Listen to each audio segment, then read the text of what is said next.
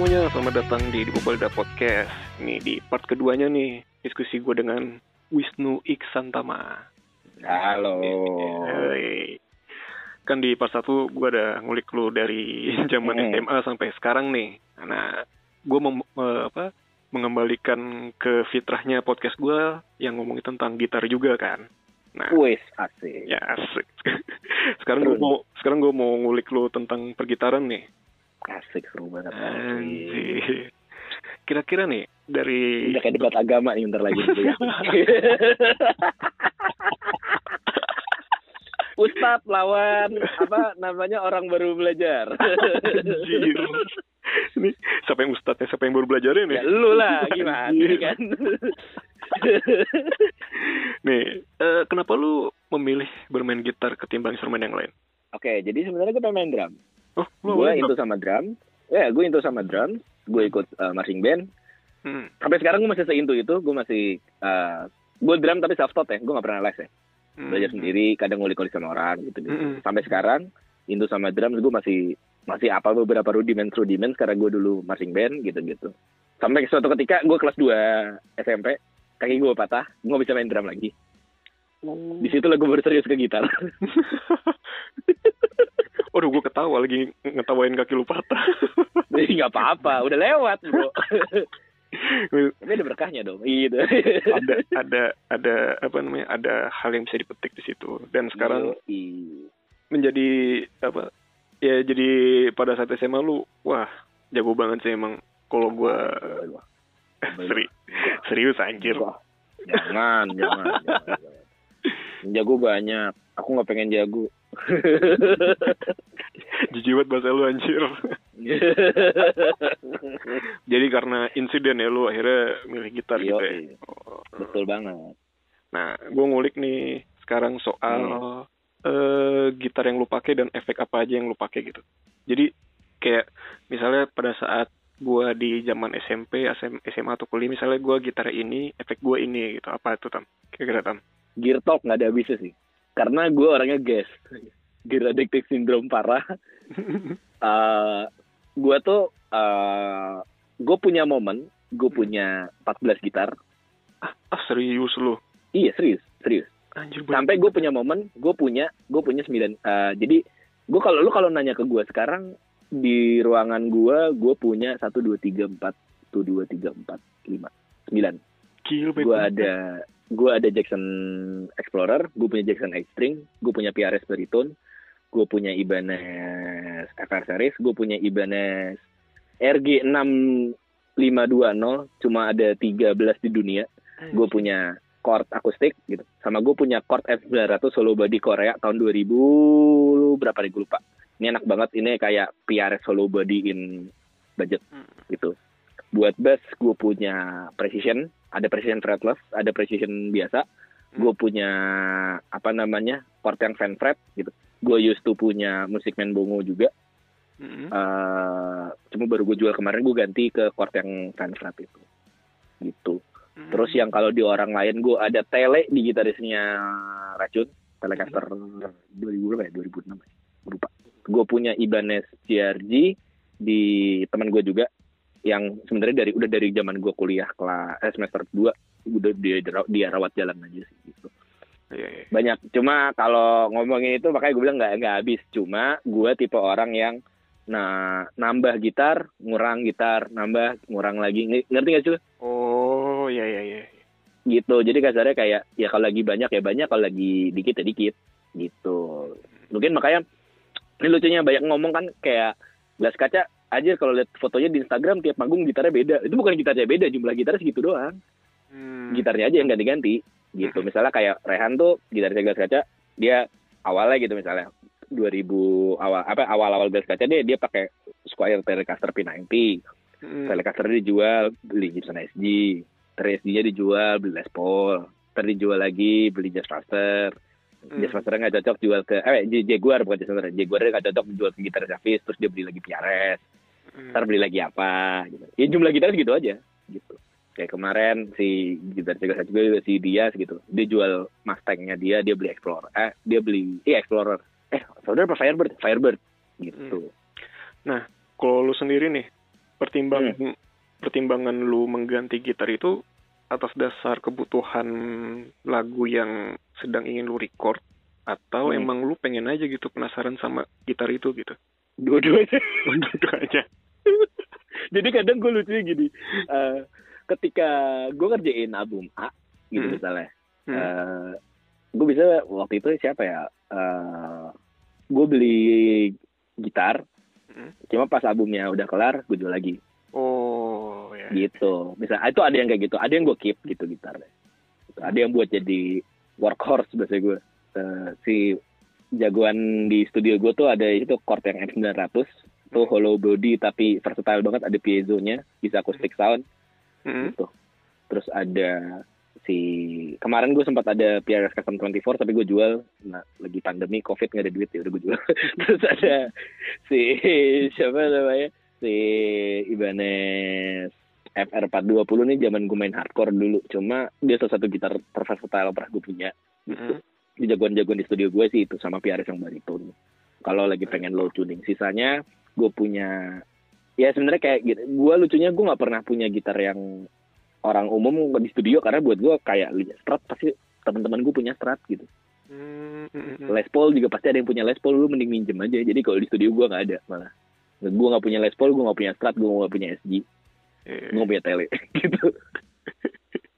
Kocak ya malah gue punya yang aneh-aneh ketika kayak misalnya gini kayak lucunya si Ibanez ini gue pernah pakai tuningnya 12 string gue beli senar 12 string tapi yang tena, senar oktav tingginya doang yang gue pasang. 12 string senar tingginya doang? Senar yang oktav tinggi. Kalau senar gitar 12 senar itu kan senarnya dua dua dua tuh tiap senar. Iya ya Ah. E EADGBE cuma yang senar bawahnya itu yang gauge-nya lebih kecil itu di stand di oktav di atasnya. Oh. Jadi kayak main pakai pitch shifter. Oh gitu gitu itu yang gitar akustik 12 senar gitar slash yang double neck kan yang atasnya 12 senar tuh gitar ED 1275 Mm-mm. nah itu yang 12 senar itu tuningnya kayak pakai octaver jadinya bunyinya nah itu gue sering pasang di Ibanez gue yang Oh. FR420 bentuknya kayak Telecaster itu Iya, iya, iya. dia pakai kayak gitu gunanya gunanya di album buat nge-layer biasanya Oh, Ngelayer tuh buat buat nge-layer buat ini aja ya, buat feeling aja ya. Iya buat film misalnya lu ngambil ref gitu Hmm. lagi distorsi ngeritem tebel gitu biasanya gue layer yang pakai main di oktav di atasnya cuma gainnya lebih kecil Oh. biar berasa Uh-uh. strumming sama clarity-nya gitu-gitu sih itu ya itu sebenarnya kayak semacam produk dan teknik yang butuh gitar tertentu makanya gue beli gitu Hmm. Kalau misalnya Lucunya efek itu. sama ini sama ampli itu berganti-ganti sejak juga. 2016 gue udah nggak pakai efek sama sekali ampli Oh. sama sekali gue Uh-huh. jadi kalau pada zaman wah tuh zaman SMP SMA mah masih bawa ampli gue kan. Masih zaman itu gue pernah punya Lenny LV 300 gue sempat punya Rendo yang apa RH 300 yang 300 watt headnya itu head cabinet gue pernah punya. Wah pedal board gila sih dulu. Gue jual semua akhirnya fakto dong direct aja lah. Gue beli camper 2016 anjir camper. gitu. Tuh 2016 nah tapi buat gue jujur Hmm. um, so, direct atau todong gue direct. Tapi kalau bandnya todong abis gue lebih suka todong. Gitu. Gelas kaca dulu todong banget. Sampai sekarang helixan semua. Hmm. gitu. Dulu mah bawa ampli. Mereka si Rehan tuh bawa Supro Dias tuh bawa Fender Hot Rod. Gitu. Pedal boardnya buset. Striman ini ini. Ya buat gue udah lewat lah Iya. zaman zaman itu. Iya. iya. apa namanya? Zaman zaman sombok sombokan sekarang buat gue ah udah apa ya udah disimplify kali digital gitu udah kayak udahlah udah enak bunyinya feel udah dapet ini udah dapet gitu Wah ini banyak banget pertanyaan nih di pikiran gue nih. apa tuh silakan dong Yes. Mumpung gue lagi ngobrol sama orang yang sangat mengerti sound nih. Jadi kan lu kan sekarang masih pakai camper nih sekarang. masih Kan sekarang udah ada X Effects, terus iya ya eh lu nggak Kan tertarik seangkatan tertarik itu, sana? Kan terus angkatan jadi gini pada zaman itu Mm-mm. eh, transisi transisi digital digital HD modeling ya bahasanya Hmm. Eh, high definition modeling itu kan udah mulai dimulai sama salah satu salah satunya pod lah ya Hmm. Line 6 pod tuh keluar pod HD series terus keluar juga ada namanya Atomic Amplifier ada keluar Kemper Profiler ada keluar XFX XFX dari zaman 2011 aja udah bagus banget aja soalnya Iya. ada terus si selain si XFX ada apa fraktal. Iya kan SFX Freestyle kan. Maksudnya apa? Duh merek satu lagi tuh. Gue inget bentuknya doang lagi. Ya banyak lah itu Hmm. eh, apa namanya amp simulator biasanya gitu ya. Mm. Nah, kenapa gue memilih buat camper? Karena yang gue butuhin amp gitu. Hmm. eh XFX tuh bagus banget gitu. Cuma dia tuh buat gue secara amplifier, eh, secara sistem modeling amplifier gue nggak terlalu doyan suaranya. Oh, iya. Karena buat gue definitionnya bagus, cuma nggak dalam, nggak nggak bahasa apa ya, nggak nggak nggak sedep, nggak punya depth yang sama sama camper. Camper tuh bisa berasa ampli banget gitu buat gue. Hmm. Bisa punya gue kan apa ya bahasanya? Gue suka karakter karakter modeling si camper. Buat gue ampli yang biasa gue suka bunyinya kayak gini bukan yang kayak versinya XFX XFX tuh bagus banget buat gue jujur gitu jadi kalau saya kalau gue dikasih data terima terima data mixing gitu Hmm.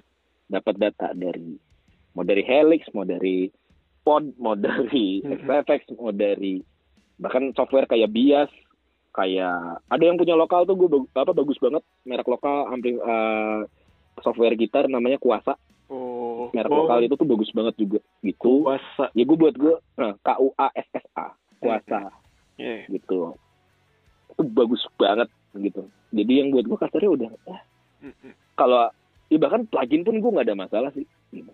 Selama selama tone yang diincer support ya gue Hmm. mm. gitu. Kalau lo mau ngincer fuzz fuzz main thread kayak white stripes gitu ya. Mhm.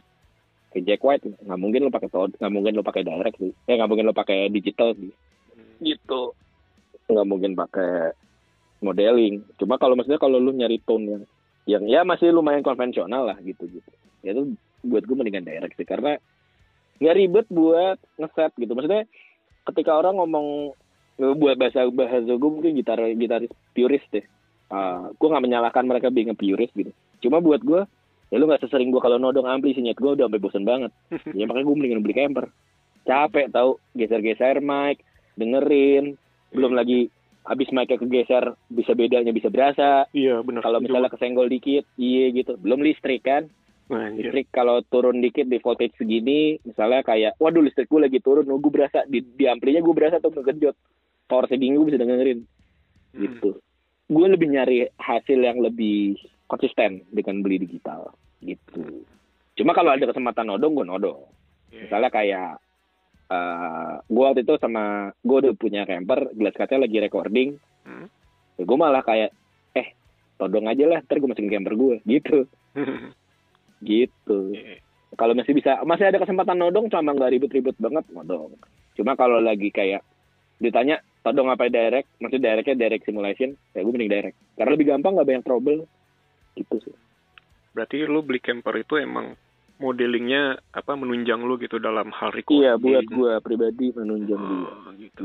tuh gue sebelum sebelum pakai camper gue pakai pot HD tuh. Udah mulai pindah digital zaman pot HD gue pakai HD desktop. Hmm. Tuh gue 2000 berapa? 12 tuh. Gue udah tamat main sombok-sombokan wah dulu mah kalau nanya efek am, am- ampun sih.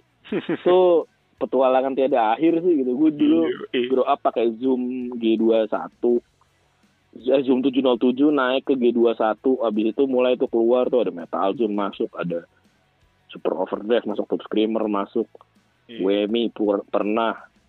Satu-satu sombok yang nyisa di tempat gue cuma wah hemat. Sisanya udah nggak tahu ke mana udah gue jual juga. Gitu ya karena wah kan nggak bisa digantiin kan karakternya betul. gitu. Nah. ya begitulah dunia perefek-efekan. Ya makanya bahasa gue jangan dimulai lagi deh kalau bisa gitu. Kayak apalagi kan beberapa tahun ini gue nongkrong sama Iga gitu sama Mas Ardi. Wah itu kan tuh bapak bapak-bapak analog head itu anjir. Iya. efeknya efeknya dia tuh bisa 400 biji anjir kalau di total pedal-pedal yang ada dia punya. Terus efek-efeknya tuh yang gaib, museum. yang gaib-gaib gitu ya, yang dari band Iya gaib-gaib butik-butik nggak jelas gitu anjir. Gue bilang ya anjir lu nemu aja. Iya nih dapat endorsean baru dari ini dikirimin buat bikin review gitu ya sama mungkin mindset gue sama kayak Iga gitu maksudnya. Dia pakai camper juga gitu. Cuma kalau ada kesempatan nodong nodong gitu. Cuma kalau buat nyari konsistensi camper cuma kalau soundnya nggak bisa dapat di camper gue punya efeknya gitu. Oh iya benar. dan, dan beberapa kali pun gue juga minjem Iga ketika misalnya kayak gue gue pinjam fast dong yang ini ini ini, ini buat rekaman gitu gitu sering iya. si Rehan pun di Glass Cut juga gitu dia pakai helix gitu cuma dia punya pedal board kedua yang isi analog semua kalau tur keluar kota bawa helix kalau lagi manggung sama bandnya yang rock yang Mertial dia pakai yang tombok gitu gitu Kalau gitar pertama lo apa, Tam? Squire Strat Square 2004 Hmm, Square Warna Strat. merah. Oke. gitu Nah, gue mau nanya pendapat lu nih. oh iya Kalau dalam memilih gitar pertama nih ya, misalnya lu Hmm. eh, pengen belajar gitar nih, Hmm. lu mengedepankan soal playability nggak? Maksud gue, eh, seberapa penting pemilihan pertama gitar lu gitu?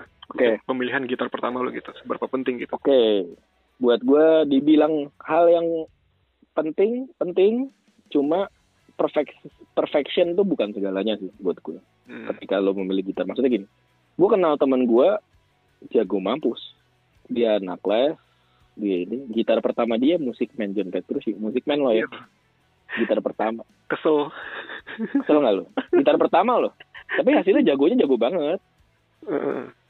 gitu ada gitu maksudnya bener mainnya bener ininya bener tekniknya bener gitu ya balik lagi ngulik tapi temen gue juga ada yang gitar pertamanya Fender Stratocaster American Standard yang pada tahun itu udah 20 jutaan Mm-mm. mainnya biasa-biasa aja. Dan bahkan udah nggak main band kali ya sampai sekarang.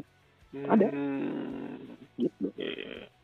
nggak masalah. Jadi buat gue kasarnya kayak nggak masalah sih. Balik lagi nomor satu hal yang sangat basic sih. Nomor satu gitar pertama. Budget dulu. Iya. budget wise lu misalnya punya berapa? Katakanlah lu punya 6 juta gitu. Pilihan langsung kelihatan tuh Mm. 6 juta berarti lu bisa beli Squire Mm. lu bisa beli apa namanya apa Chord.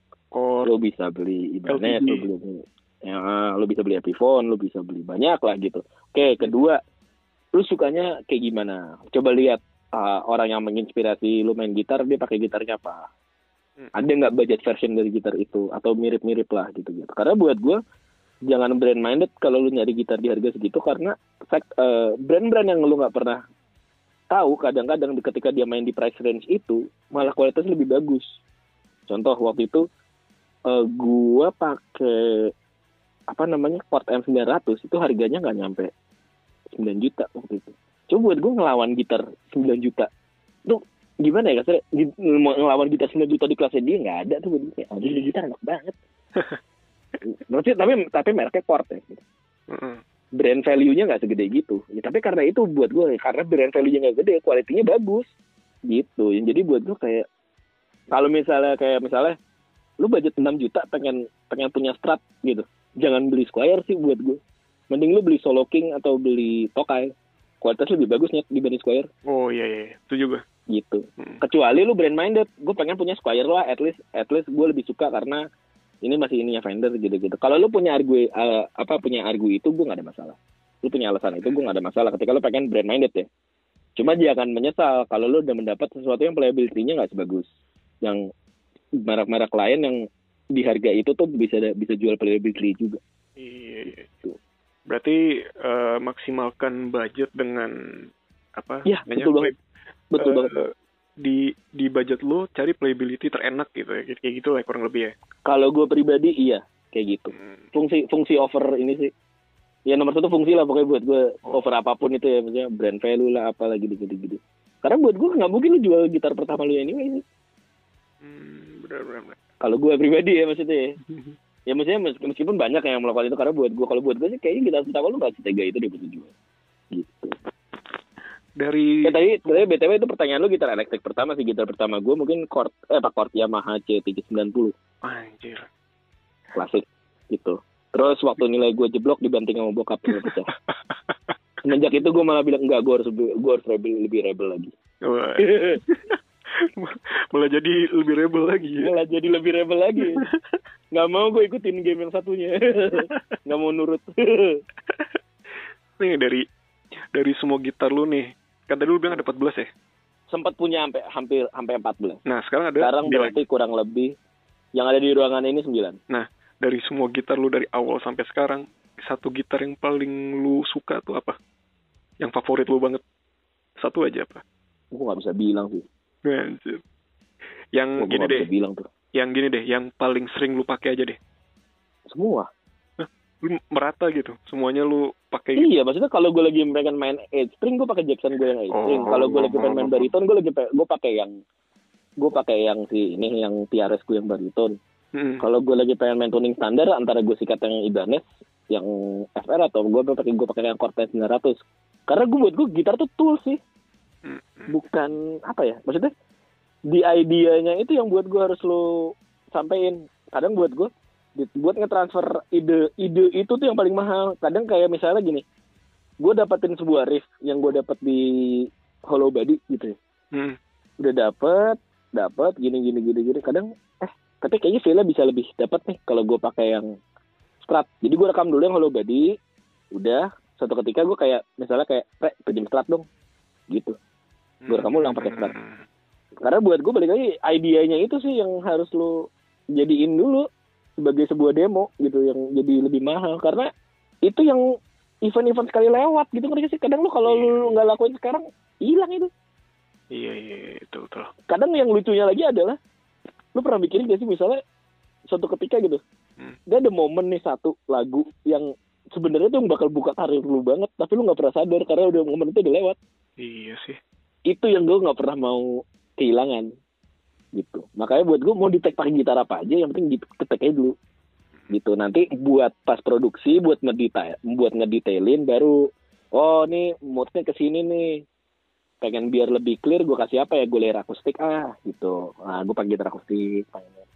Hmm, berarti eh, lu tuh punya banyak gitar itu untuk mengisi apa namanya kayak ide-ide yang akan lu nanti tuangkan ke dalam lagu. Iya. gitu ya? Oh, iya Jadi saling melengkapi satu sama lain gitu, nggak ada yang ini Mm. lebih gue suka, ini nggak ada yang kayak gitu ya. enggak enggak enggak enggak, Hmm. waktu itu maksudnya kayak kayak dialog gitu dialog itu direkamnya pakai tiga gitar Hmm. rhythm rhythm itu ada yang pakai strat ada yang pakai PRS kiri strat kanan PRS solonya gue pakai PRS yang punya gue yang PRS yang PRS yang Rehan ya yang rhythm Rehan gue yang isi solo Iya. solonya gue pakai PRS gue yang ungu yang kemarin gue jual itu gitu Hmm. terus kalau misalnya Hindia evaluasi itu yang maksudnya yang gue yang gue rekam gitar tuh lagunya evaluasi ya kalau di Hindia Hmm. itu gue pakai chord gue yang F900 karena ada piezo-nya gue pakai pickup akustiknya dia tapi gue masukin camper eh, suaranya suara elektrik jadi pengen Hmm. iseng aja eksperimen aja gitu Iya, iya. terus Fish itu ada beberapa lagu yang di Hollow Body gue itu tadi yang ada di M900 Hmm. ada oh kalau lawar tuh gue pakai M900 makanya tone-nya unik tuh yang di intro. Tanenenenet tanenenenet gitu. Hmm. itu tuh Hollow Body kena overdrive gitu loh. Oh iya iya iya. Hollow body tapi single coil ya. Karena pickupnya bisa dibikin single coil. Ini pickupnya Saber Duncan 59 sama JB SH, SH2 S1 SH1 SH4 hmm. naiknya 59 bridge-nya JB JB-nya gue coil split gitu. Makanya di itu yang di intronya kelelawarnya Fizz terus kalau peradaban itu eh peradaban itu gitar gigi deh. Enggak gue lupa. Ada gue ngisi pakai Ibanez gue tuh apa ya? oh minggir. Minggir itu ada satu rhythm gitar hitamnya itu eh gue ngelayerin bagian refnya. Pas mixing kayak oh gitarnya kurang lebar nih gue kasih gitar gue lagi gitu. Oh, itu pakai Ibanez gue iya, iya. gelas kaca ada beberapa lagu yang gitar bariton gue cuma ngerekam satu bagian doang. Karena butuh suara yang lebih berat udah gitu doang. Hmm. Kalau lu ini apa kalau nanya itu mama gue nggak nggak habis. Soalnya gue tiap bagian lagu biasanya ganti gitar tergantung moodnya. Menarik menarik. ngedetailinnya misalnya kayak eh, mungkin ref eh, gitar ritmenya. Ada gelas kaca kayak kemarin eh, intro sampai verse pakainya strat tapi eh, ke belakangnya Les Paul. Di refnya udah pakai Les Paul gitu-gitu. Akan lu banyak banget. Akan itu musim intronya tele refnya pakai Highstorm punya gitarisnya Hmm. tuh Tapi yang yang instrumen gitu kan lu pengen nyari moodnya. Berarti kan itu eh, si sound eh, bahasa awam gue Hmm. kayak lu pengen ngatur equalizernya gitu kan? Nggak? Atau pengen dapat karakternya aja sih mungkin bahasanya. Nah sebenarnya apakah emang itu nggak bisa diatur di equalizer saat lu mixing gitu? Oh nggak bisa. Oh. Tidak bisa itu. Makanya gue begini ini yang salah satu yang pengen ngomong dulu nggak lu nggak bakal bisa fix it in the mix apa fix it in the mix. Hmm. karena buat gue itu bullshit yang paling menyiksa sound engineer sih. Oh. mas gue rekam pakai Les Paul sih tapi gue pengen suaranya kayak strat. Hmm. kalau goals lu itu sih datanya gue pulangin. Gue nggak mau mixing ini. Beneran gue. Buat gue gitu karena buat gue kayak gue mendingan nolak kerjaan dibanding gue bisa bisain so bisa tapi hasilnya nggak bakal bener gitu loh. Oh iya iya iya. Gitu karena buat gue nyet kalau enggak ngapain orang bikin Les Paul sama bikin strat Iya. kalau lu petek pakai pengen pakai Les Paul suaranya kayak strat di edit edit pas mixing nggak bakal bisa. Bullshit itu sumpah. Berarti emang harusnya di, Gitu. di apa harusnya di shaping dari awal ya. Jadi di pemilihan shaping dari awal. Makanya istilahnya production itu di situ. Oh iya iya iya iya iya. kenapa dibutuhkan? Karena buat gue apa ya? Kalau dari dari mindset apa ya, dari dari awalnya aja lu udah nggak berusaha dengan semaksimal itu ya buat gue kayaknya ya karya lu juga jadinya nggak hmm. Iya nggak sih gitu. Beda ya sama maksudnya lu memaksimalkan apa yang ada sama me- mengada-adakan apa yang tidak ada ya. Gitu. Maksudnya kayak buat gini. Kalau memang lagunya itu lu pengen suaranya strat, tapi lu cuma punya Les Paul gitu. Ya lu bikin pakai Les Paul yang hasilnya suaranya enak, nggak harus mirip strat. Orang lu punyanya Les Paul, Les Paul bisa digimana ini biar suaranya cocok sama lagu ini. oh, Gitu. Kalau kalau gue sih maksudnya kayak dan gue berkali-kali bilang ke klien-klien gue sih maksudnya eh yang lebih mahal itu feel lu ketika memainkan gitar ya, bukan suaranya. mm-mm. Karena banyak orang tuh ngerasa kayak gue pengen suaranya kayak gini gini gini gini. gini. Lagu lu nggak tentang itu nyet. Ngapain gitu. oh iya iya iya iya. Gue tuh lebih seneng dapat data yang lu lu gue lihat langsung lagi rekaman enjoy banget mainin ya. Biasanya dan enjoy itu pakai gitar biasa, gitar yang dia biasa pakai. Contoh mungkin misalnya gini, lu punya B-Series kan Dip ya? Iya. Selain B-Series lu ada apa? eh ada chord KX5 tapi udah usang banget sih kayaknya udah harus disetting ulang sih tuh kalau buat Ah, dimainin itu lagi. apa? Gue sempet punya eh Bernie SG tapi udah gue jual terus gue sempet Ah, ah. punya Hexstrom yang apa yang modelnya Hollow kayak body. S335 ah. Ya, nah mungkin itu si akan pakai itu sih di refnya musim tuh. oh S335 yang itu. Nah, eh, apa hak sama yang hollow body yang hitam terus atasnya belok itu kan? hmm. Iya. Iya, iya. Nah, buat gue kasar gini. Ketika lu menulis lagu gitu, gue punya Jackson Kelly ya di sini ya. Ah. Eh, Jackson Kelly Jepang tahun 94. Eh, lu, lu punya lagu apa? Lu punya lagu metal gitu. Bisa jadi gue suruh ba- lu bawa B-Series lu. Hmm. Karena buat gue itu yang lebih. Gi- Tapi eh, SOP di studio gue, lu masuk studio gue, rekaman gitar, gitar lu pasti gue ganti senar, gue gue setup free. Karena itu bagian dari apa yang akan gue produce. eh, itu ba- bagian itu udah masuk di eh, fee producer gue Iya iya. iya. Hmm. gitu. Hmm. Karena gue balik lagi buat gue. Eh, ya zaman dulu kan gue sempat nongkrong yang gue cerita gue nongkrong di tempat gitar itu loh Mm-mm. service gitar itu ya gue belajar nge-setup gimana intonation deh nomor satu gimana biar fret lu nggak fals gitu kan gimana terus kedua nut sama bridge itu gimana biar senar lu duduk di action yang tepat gitu Hmm. kadang lu tuh nggak pernah sadar jangan-jangan selama ini lu ngincer ceper tapi karena ceper sustain lu nggak keluar Hmm. atau kebalik kadang-kadang lu ngincer terlalu tinggi padahal lu sebenarnya bisa lebih ceper karena lu bisa punya durability yang lebih lama buat mainin gitar itu di dalam setlist Oh iya iya. gitu Nah. itu itu itu itu, itu pas pas production biasanya gue biasanya gue ngobrol dulu sih biasanya gue setup gitar biasanya sambil ngobrol gitu sambil Oh. ngulik lu pengennya gimana nih gitar lu berfungsi sebagai apa ibarat kata itu kayak pembalap tuning tuning mesin si mobil ya Iya. gitu bukan gasnya seberapa kan karena kan ngaruh sama apa yang lu pengen mainin kan nah mungkin misalnya lu rekaman di tempat gua lu bikin lagu metal gitu ya apa mengerjain lagu metal gue bisa jadi kayak udah pakai B series lu aja cuma lu gue yang penting lu mainnya enjoy Nah. itu yang buat gue rasa yang nggak bisa dibohongin tuh Iya. Nah itu pas lu main enjoy tuh beda tuh hasilnya beda loh ada Iya. ada groove-nya yang beda banget tuh Iya sih. Benar juga. ya. dibanding kayak maksud gue lu kan gini ya maksudnya eh in modern days metal yang lu sebut siapa misalnya kayak angkatan sekarang deh Arsitek. oke terus Eh, hmm, angkatan sekarang. Ya eh, enggak Kobri Mido Herzon enggak juga ya. Asal Daing. ya udah lama apa Lama Asal Daing juga udah lama ya. Akhirnya udah lama Angkatan sekarang. Eh gue sekarang lagi dengerin Interval sama Plini coy. oke interval sama Plin nah gini Nah, eh kita ngomongin arsitek deh arsitek itu gitarnya di Quantize loh Badar nggak lo kuantas. di Quantize Quantize itu eh dirapiin waktu recording biar sesuai sama beatnya Oh. Jadi ada istilah waktu lu kalau di dalam dunia audio editing itu namanya quantizing. Quantizing itu nge ngerapiin, ngekuantisasi si sesuai sama time time garisnya. Misalnya kayak lu main tuh berasa kayak robot gar- di garis semua. Hmm, Kebayang nggak maksudnya? apakah itu karena tension gitarnya yang terlalu rendah Bukan. ya? Itu Jadi gini. Itu bahasanya kan gini, bahasanya tuh lu kayak drum, lu mainnya nggak on tempo, tapi diharapin biar on tempo Oh iya. iya. Ah. gitu. Nah, quantizing itu dibutuh apa banyak band memperlaku, apa, melakukan itu zaman sekarang tujuannya biar dapat hasil yang lebih tight karena semuanya gerakan barengan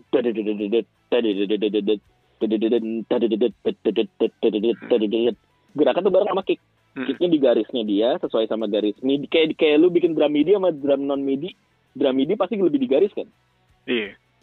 lebih rata kan tempo. Iya. nah kata- gitar itu juga digituin di dunia recording zaman sekarang. Kayak Trivium gitu kayak yang kemarin apa? Desinan Santen terus si siapa? Yang kemarin berapa katastrofis kan? Iya, katastrofis. si Dragon Force dia dari dulu nguantais gitu Trivium sih si ini enggak ya si Shogun sih belum nguantais ya Nguant- nguantais tuh mulai wave gitu gitu. Nah itu ketika lu di quantize tuh berasa gitar yang main ini beneran dimainin dengan enjoy sama yang enggak. Karena kalau yang lu mainin dengan enjoy mau dirapiin pun berasa makin rap makin enak. Bukan jadi kayak robot. Iya sih. cuma ada beberapa band tuh yang kalau ya gue nggak mau nyebut nama bandnya di sini ya ntar gue kasih gue kasih ke lu aja gitu. Mm-mm. ini tuh bunyi bunyi robot. Iya. nggak ada feel gitu nah kalau lu apa ya bahasanya buat gue kalau lu mainnya dengan enjoy gitu excitement itu yang itu bakal kerekam mau mau dirapin mau diedit mau digimanain gitu. Hmm. itu yang susah tuh menemukan excitement ketika lo lagi rekaman. Karena kebanyakan orang berpikir secara teknis ketika rekaman kan. Hmm. wah berarti pitching position gue harus gini ya oh berarti ininya harus gini nih. Oh berarti tone-nya mesti ini nih gitu, gitu, gitu. wah no, naro apa nodongnya mesti yang kayak gini nih gitu. buat buatku bukan itu sih lu megang gitarnya enjoy nggak main riffnya enjoy nggak itu yang buat gue harusnya dijagain sama produser Iya, betul. Betul banget. gitu karena banyak orang ngerasa record itu stressful gitu. Padahal buat gue nggak sama sekali kalau lu nya enjoy dari awal. Enjoy aja dulu slow gitu. Lagunya tentang apa? Misalnya lu bikin lagu metalcore gitu, lu ngomongin rage gitu. Hmm. Oke, lu bawa ini lagu angry, anger.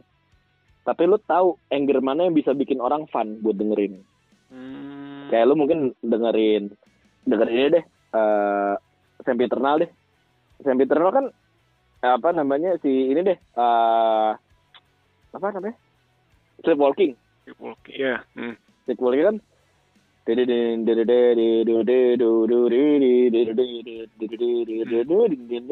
gitu tuh bagian itu tuh Hmm.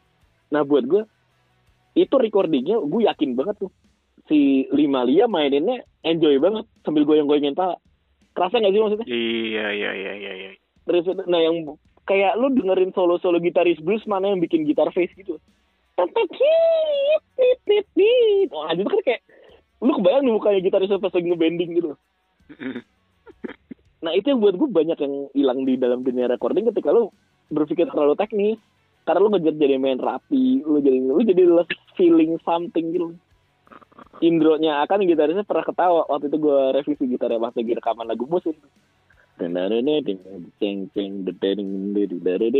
Bro, neck yang ini bagus secara bunyi. Coba buat gue, gue, gue feel, gue less feel something aja sih, bro. Lu coba deh mainin dengan rasa yang lebih positif gitu lagunya. Ini kayak negativisme banget lo yang lo ngomongin di sini. Udah ulang tuh tag-nya. Anjir. Udah ulang tuh tag-nya. Bener hasilnya. Terus abis kelar lagu itu ya, kelar recording. Ini gue pertama kali kita rekaman sama orang gitu, suruh main yang lebih positif gitu gitu. Nah, tapi terkadang kan hasilnya feel beda. Iya sih. Ya udah gitu aja buat gue kalau udah dapet feel nggak usah didebatin. Iya. Karena itu yang lu capture gitu, itu capturing moment yang lu rekam tuh nggak cuma nada, Mm-mm. tapi apa yang lu mau mainkan itu lu abadikan dalam sebuah lagu kan. Iya, ngasih nyawa gitu ya. Iya gitu, makanya kayak Victor Wooten tadi. Mm-mm. Ya, itu yang bahasanya ketika ketika lo kayak milih gitar lo ngerekam dan apa itu itu yang buat gue yang lebih paling mahal ya.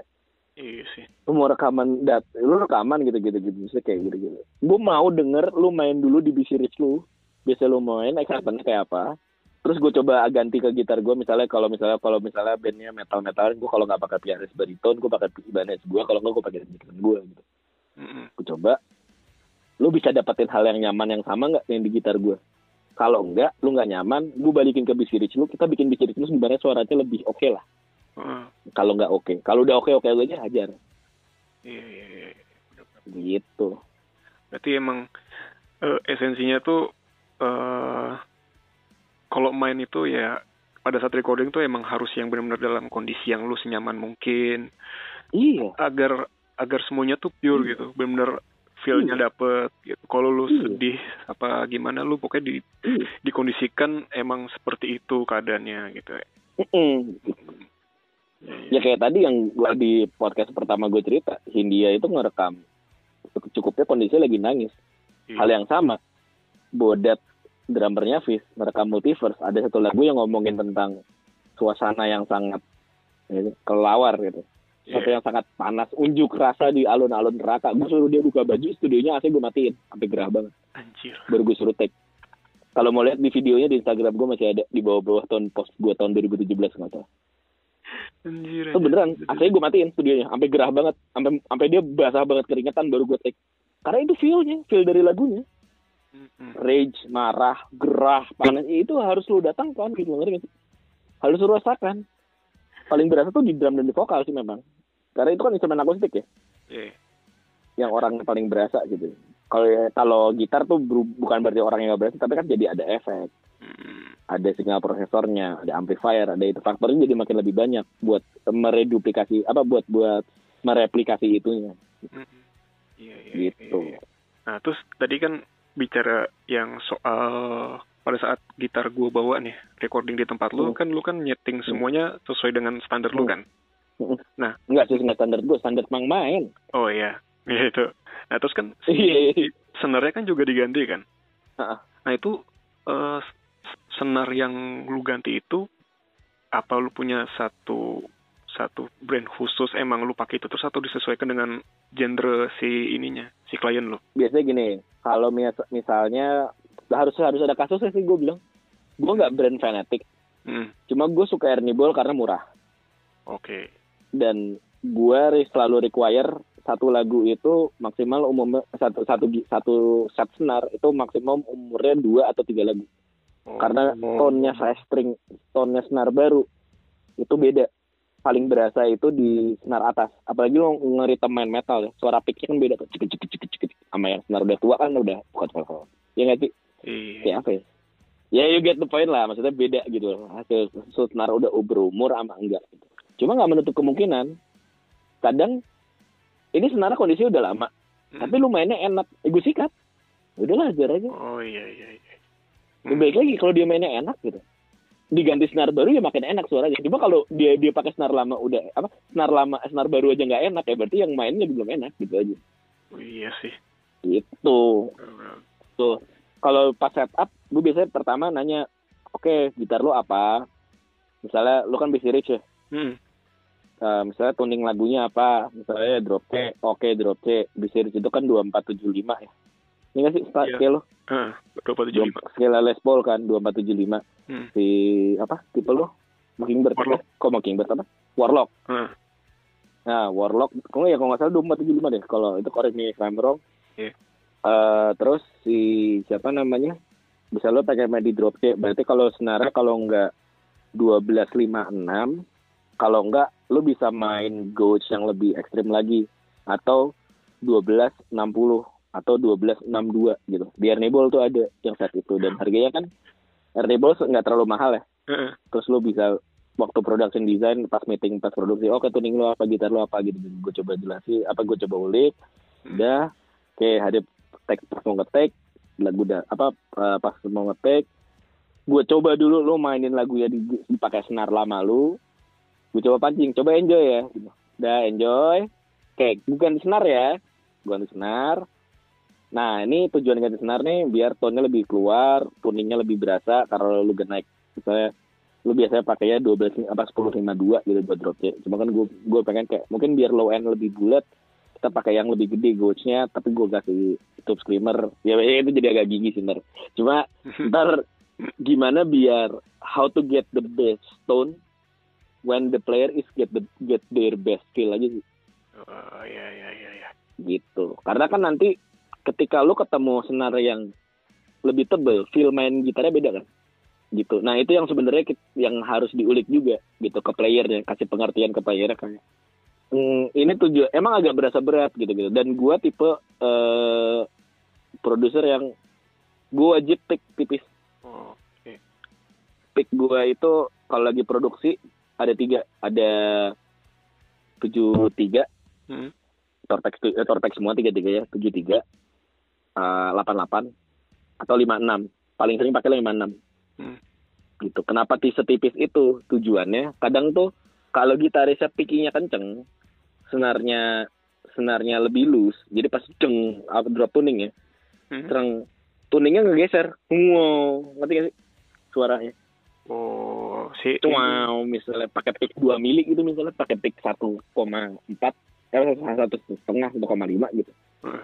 cuma gitu. Cuma ketika lo pakai pick tipis ceng nah dia stay. Oh, clarity-nya juga lebih keluar. Gitu. Gila. Berarti cuma ada beberapa lagu yang memang di tag dipakai pick 2 mili gitu. Gue juga koleksi pick 2 mili sih di sini. Oh, cuma gue jarang banget ngeluarin itu kecuali buat lagu-lagu tertentu atau yang biasa tuningnya standar dan gitarnya mainnya lemes itu gue gue pakein 2 mili hmm. gitu Berarti lu sedetail itu ya sampai eh, apa namanya? Picknya pun lu perhatikan gitu. Gokil sih. lumayan sih karena balik lagi gue bedanya gue buat gue sih masalahnya cuma satu gue Hmm. denger soalnya Iya. cuma satu itu doang maksudnya banyak yang sebenarnya banyak yang buat hurt juga sih kalau ketika waktu itu kayak eh, gelas kaca waktu awal recording sekesal itu sama gue anjing lu ya emang ya gitu gitu gitu. Nyet gue denger nyet gitu. Pas mereka udah pada jadi produser baru iya sih beda ya kalau pakai pick tipis tuh punya ini ya gitu. Kan gue udah bilang. Eh nama recording tempat lu apa namanya? soundpool Oh, Soundpool. Ya, Soundpool. kenapa soundpool karena ya soalnya pol aja gitu. Nggak penting gak sih namanya kenapa soundpool kan eh eh, sebenarnya kan nilai plusnya ya itu apa namanya hal-hal detail yang lu tawarkan gitu Hmm. pada saat orang datang sebagai klien ke lu itu kan itu tadi yang lu jelasin lu sedetail itu sampai lu perhatiin si mood pemainnya harus nyaman mungkin terus lu tapi nomor satu harus boot ya buat gue Heeh. itu nanti faktor pendukung mau pick gitar terus preset campernya apa. Iya. Terus sampai picknya eh itu tadi gitu. Ya faktor-faktor itu semua deh efeknya apa. Buat gue nomor satu enjoying dulu iya betul. A good guitar always bisa di enjoy dalam kondisi nggak dicolok. Is. iya. Agree nggak? Iya iya iya. Mm, agree dong agree dong. Agree agree banget. Makanya buat gue tuh buat gue ya jujur bullshit ketika bullshit tuh ketika buat itu kayak aja gue suka banget nih gitar gini gini gini gini gini gini gini. iya kalau dicolok kalau nggak dicolok coba lu enjoy ini tuh itu. ini tuh mirip sama yang diomongin si Ginda Bestari sih ada di videonya dia bilang kenapa tuh? eh, dia bilang gini eh, sebenarnya kan dia nge nge-compare gitarnya gitar Squire sama gitar apa am- apa sih? Oh iya kemarin ya Fender ya? Iya pokoknya gitar custom ya? dia yang nyaman super parah itu kan. Oh dia, iya iya. dia dia nyobain ah eh, secara sound mirip kok nggak masalah. Tapi gue nggak akan mungkin tahan main Squire buat recording atau buat manggung gitu karena gue nggak nyaman mainin gitar itu gitu. Nah itu paham iya, paham. Iya jadi ya itu baik lagi. Sebenarnya mood pemain itu bisa di di ini sama gitarnya juga jadi itu kayak yang penting mood dulu playability dulu gitu loh. Berarti dari orang Ya, makanya kadang- kalau kalau lu misalnya gitu ya, kalau lu misalnya lu nggak keluar moodnya ketika gua gua kasih pick tipis gua balikin ke pick tebel iya gitu. Karena biasanya gue gini oke pertama nih gue gue tantang dia dulu. Coba enjoy. Kalau udah enjoy gue gue mulai tuh. Coba ganti pick ini. Udah udah ganti pick cocok nggak? Nggak cocok balik. Gue coba ganti. Biasanya gue kuncinya harus dia enjoy dulu deh pas main. Oh iya. Mungkin kalau oh, gue masih ada nggak ya videonya ya di di ya, semua instrumen sih gue wajibin gituin. Gue apa ya yo yo wajib enjoy sih. Jagain orangnya biar keep enjoy in the recording proses tuh capek sih susah sih. Cuma ya buat gue itu yang bikin your record live aja sih. Oh, berasa gitu kalau dengerin lagunya ada ada rasanya gitu. Apalagi drum ya wah tuh drum jagain mood drummer capek cuy iya Sumpah. Yo, tahan ya. Nge-Q aja dari dari awal terakhir ya. Abis ini ref ya. Gitu, sambil nyalain mic talkback ke ke headsetnya dia kan. Dah.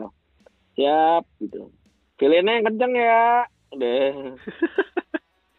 Ayo senyum. Ayo rim shot marah dong. Gitu-gitu. kita lagi breakdown gitu. Hajar Chinese jangan setengah-setengah steak jangan ditaruh digebuk gitu.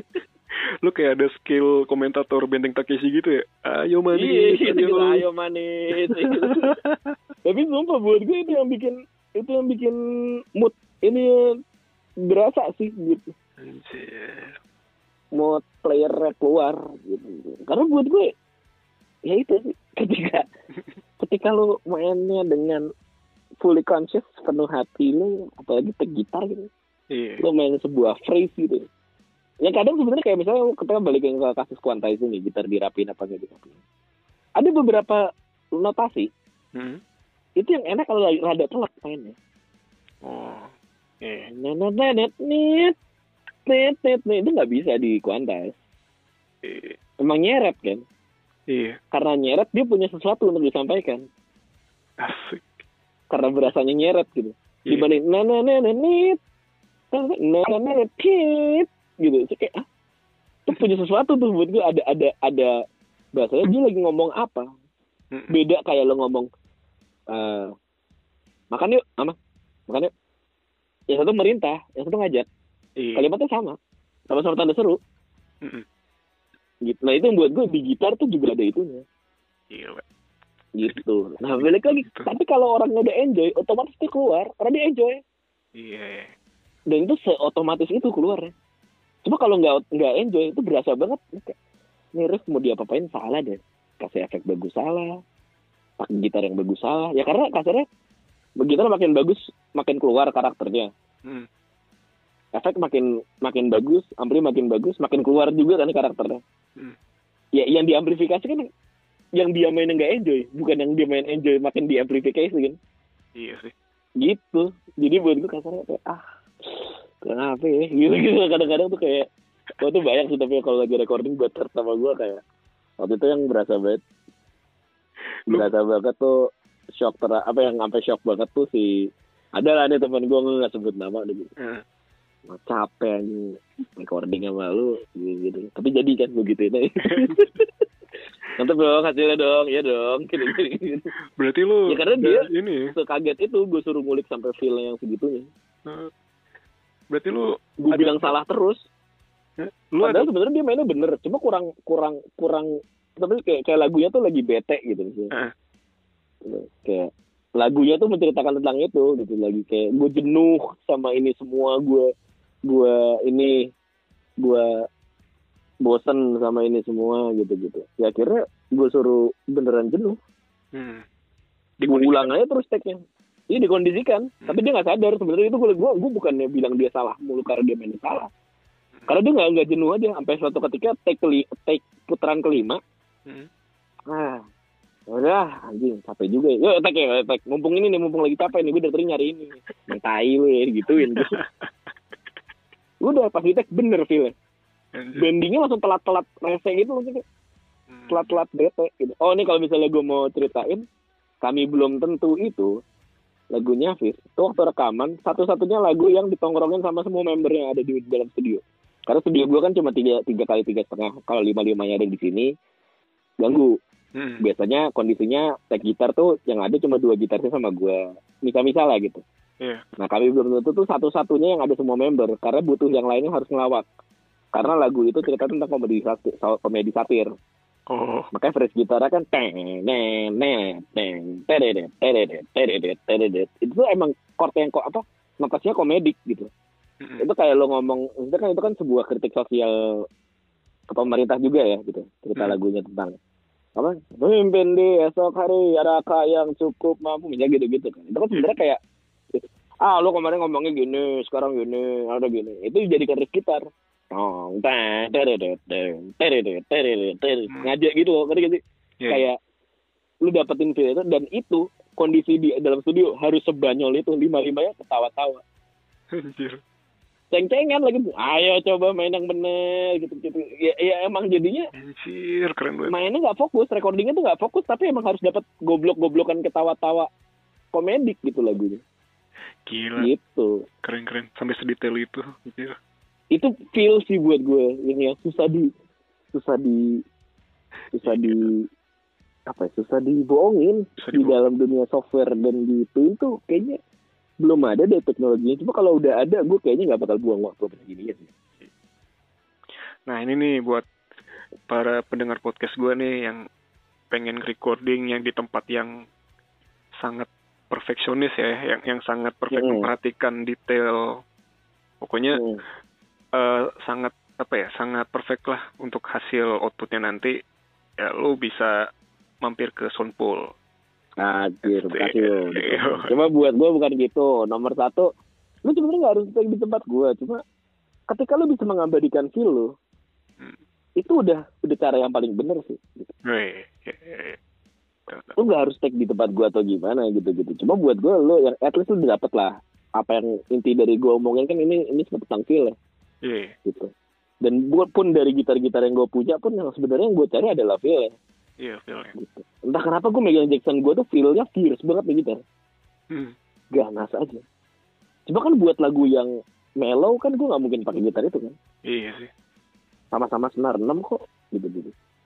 Mm. Sama-sama elektrik gitu gitu. Cuma beda ya gitu sih. Hmm. Makanya gue punya gitar-gitar yang lain ada yang hollow body, ada yang gitu, gitu. Berarti disesuaikan ya. Disesuaikan. Gitu. Tapi nomor satu misalnya lu, uh, lu anak bandnya sangat jarang kejadian gitar gue keluar sih.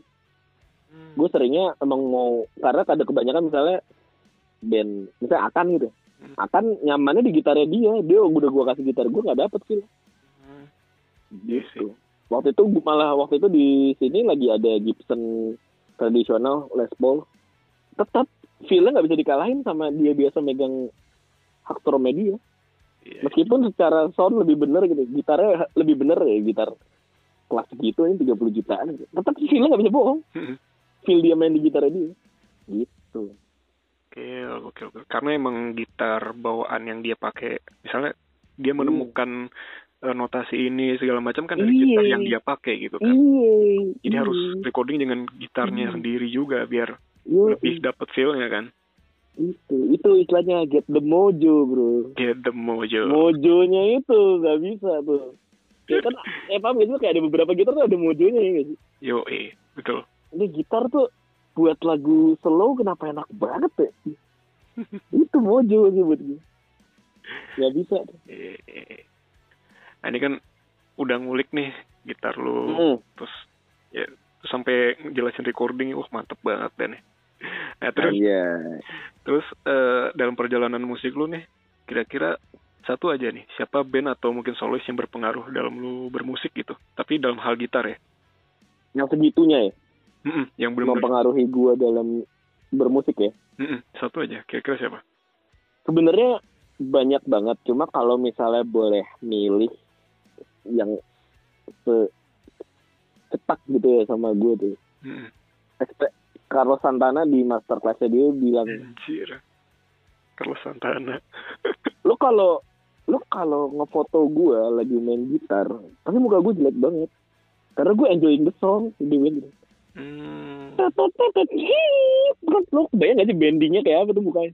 Jelek banget pasti. Kalau di foto lagi sama orang kan kayak, anjing muka gue nggak lagi bagus lihat gitu Berarti Carlos Santana kalau nih. itu ya itulah sih ini itu buat gue itu yang gue nggak terlalu enjoying karyanya dia sih gue nggak terlalu dengerin dia cuma insight dia yang itu sih yang buat gue yang bikin kayak Hmm. anjir bagus banget sih. ini gitu loh Eh. yang main ya apa ya tepat guna aja gitu ngapain lu nyikat 10 nada gitu kalau 5 nada aja udah cukup buat nyampein phrase-nya dan orang langsung ngerti apa yang diomongin Iya. Gitu Eh, berarti mungkin sama yang kayak gitu, gitu juga tuh Steve Vai gue gue suka sama cara dia menjelaskan sesuatu sama cara dia ngomongin konsep ngomongin hal-hal intrinsik dalam dunia musik Hmm. yang dia push it forward gitu. Tapi buat gue apa ya gue gue nggak terlalu dengerin Steve Vai ya. Maksudnya ya gue cuma dengerin lewat-lewatnya of God ini gitu. Cuma buat gue tuh, dia punya something untuk to tell with aja gitu dia punya authenticity yang khas aja sih. Hmm. flamboyannya dia itu single yang baru juga aneh kan ketika orang main kayak Steve Vai Steve Vai main kayak orang gak jelas. Lihat dia yang lu cari deh ntar singlenya dia yang paling baru. Reframe tuh baru keluar beberapa hari lalu itu. Lucu banget sih lagunya gue anjing nih orang. Semakin menjadi seperti gurunya ya kan si Joe Satria ini kan emang eksperimental banget tuh. Eh, gue malah bisa bilang itu udah bukan itu lagi sih udah bukan eksperimental lagi sih udah kayak Zappa anjir Anjir, Frank Zappa. Anjir. Oke, oke nanti gue lihat. Udah. Ini nih gue dengerin. Ntar lu cari deh tuh single Siva yang baru tuh aneh banget sih di YouTube gue liat kayak anjing ini orang penyebrengan deh kayak gitu gitu ya aku mau nyari, mau nyari satu gue susah sih soalnya gue dengerin dengerin banyak dan buat gue Inspirasi. gak ada yang sampai gue nyentil gue tuh maksudnya secara musikal tuh jadi fase gitu. Cuma oh, state of mindnya no, no, no. mereka tuh kebayang gitu. Maksudnya ketika lagi nulis ini tuh orangnya kayak gimana ini gimana. Hmm. pas udah nyampe album yang ini tuh jadi orang yang kayak apa gimana Oh gitu. Eh, berarti lu sangat tertarik ke state of mind dia ya. Misalnya sebagai sebagai referensi lu dalam bermusik lu lebih mengambil si state of mind-nya ketimbang maksudnya tekniknya gitu, teknik bermainnya. iya gitu. Kalau kalau teknis buat gue mah lo kalau mau ketemu misalnya kayak kayak harmonic pickingnya si siapa Rupamgar ada eh, gitaris dari band The Surrealist. Teman gue dia an- tadi- apa anak Singapura terus kuliah di US sekarang endorsannya Abasi Gitar gitu gitu jago banget tuh orang. Cuma- gitar. Abasi Gitar Eh, cari ntar namanya Rupamgar ntar gue kirimin deh lo ke. Instagram. Dia mainnya kayak apa. Tuh jago banget punya teknik teknik main yang ini banget gitu. Maksud gue tuh unik banget sih teknik cara dia main yang aneh gitu dan buat gue wow keren banget gitu. Cuma buat gue kayak apa ya dia dia punya something to tell with aja sih. Iya, iya. yang dengan teknik itu orang nyampe kayak lagu-lagunya Tosin Abasi ya apa Animal Leader itu kan. Kan aneh banget kan kordel-kordelnya gimana gitu. Ya karena pun Animal Leaders pun Matt Garska sebagai seorang drummer juga seorang artis yang dia tahu gue pengen ngomongin apa di lagu gue yang tosinnya juga dia pakai tamping tekniknya dia gitu yang solo terus waktu itu si siapa namanya si Mestis siapa namanya Javier Reyes Javier Reyesnya sendiri pun sangat flamenco gitaris gitu kan classical banget dia main eight, eight string terus jadi kayak gini yang buat gue ya itu tuh mereka punya vision gitu Itu dewa semua. sih. Seorang Itu dewa semua sih tuh tiga-tiganya tuh. iya dewa semua satu satu band anjir nggak cocok apa ya buat gue kayak anjir nih tuh perfect bandnya buat dikalahin apaan anjir gue Javier Reyes gitaris nyebreng juga. Si Tosinnya leadnya juga nyebreng karena basicnya kan dia apa namanya as an African American yang kuat banget jazznya kan. Iya. di di mana sih? Atlanta Music ya? Dia nguliknya fusion jazz gitu-gitu kan buat gue kayak. Ya buat gue tuh udah aneh sih maksudnya udah keren banget ketika lu band lu lu punya African American satu lu punya Mexican American gitu sama lu punya yang drummernya tuh redneck gila gitu buat gue kayak anjing di band apaan dah Jadi jadi kaya banget gitu ya si musiknya. ya. iya punya punya cultural yang beda-beda dan mereka ketika jadi satu band tuh karyanya juga avant-garde gitu buat gue jadi kayak Kacau emang. avant-garde tuh apa ya avant-garde tuh nyebreng ya gitu beyond lah beyond beyond everything lah. Iya beyond everything lah. Buat gue kayak anjir nyampe lagi otaknya buat bikin kayak gini gini, gini nguliknya apaan sih? Gitu gitu bukan nguliknya apaan gitu. Kan ya gue lagi pengen mainnya kayak gini gue mainin aja. Iya. Nah, nah, nah. gitu. Menarik, menarik, menarik, menarik. sama lah mau ngomongin teknik mah nggak habis itu Nggak buat gue ya kayak Matius satu gitu main. Eh, dia punya something to tell it sih kayak? Anjir. dengan Matius Ya, the best. Mas Matius satu menurut gue eh salah, salah satu gitaris modern yang sangat berpengaruh sih. Karena bagi gue ya, karena emang enak banget gitu loh. Dia benar-benar iya ada something to tell ya banget sih dalam dia bermain. iya Heeh.